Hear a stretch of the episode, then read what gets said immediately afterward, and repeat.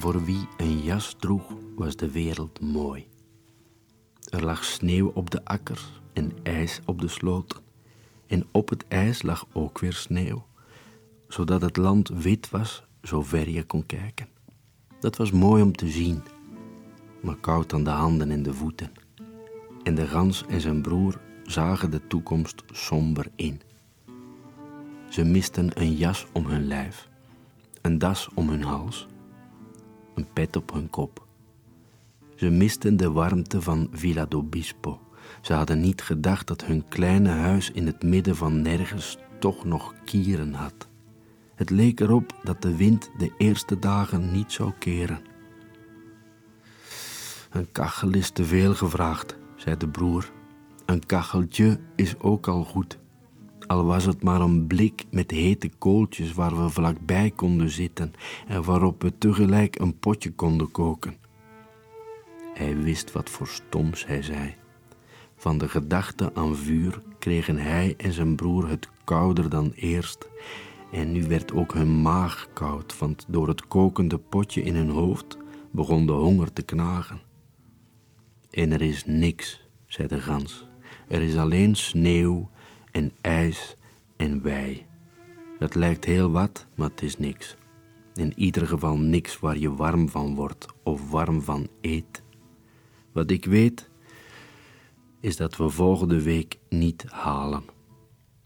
De gans en zijn broer gingen tegen elkaar aanstaan en zuchtten van ellende.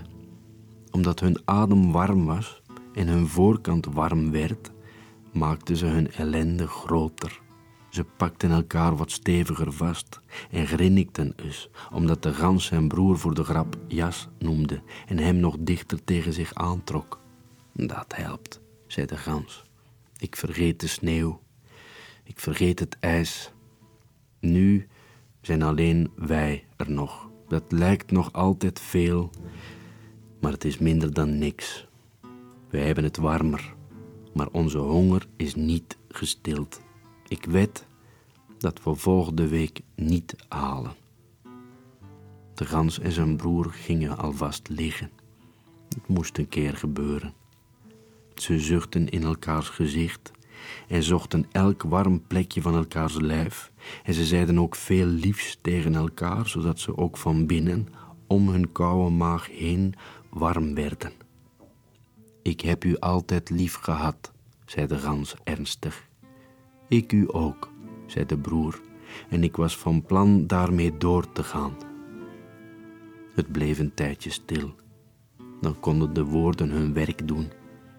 De gans en zijn broer waren het met elkaar eens dat het een mooi einde was, zo met elkaar, midden in al dat wit, zonder jas. Doodgaan is hard liggen, zei de broer, en op den duur ook vochtig. Als ik me niet vergis, smelten wij met z'n tweeën van de liefde door de sneeuw heen. De grond wordt zacht van ons. Au, zei de gans op één steen na dan. Hij voelde onder zijn buik, maar hij haalde er geen steen onder vandaan. Hij had een winterpeen vast. Ik voel er nog een, zei hij. Ze waren goed om op te eten. En hier, zei zijn broer, hier weer een. Blijf liggen, of nee, kom bij me. Met een beetje geluk halen we zo meteen ook nog een blik gloeiende kooltjes naar boven.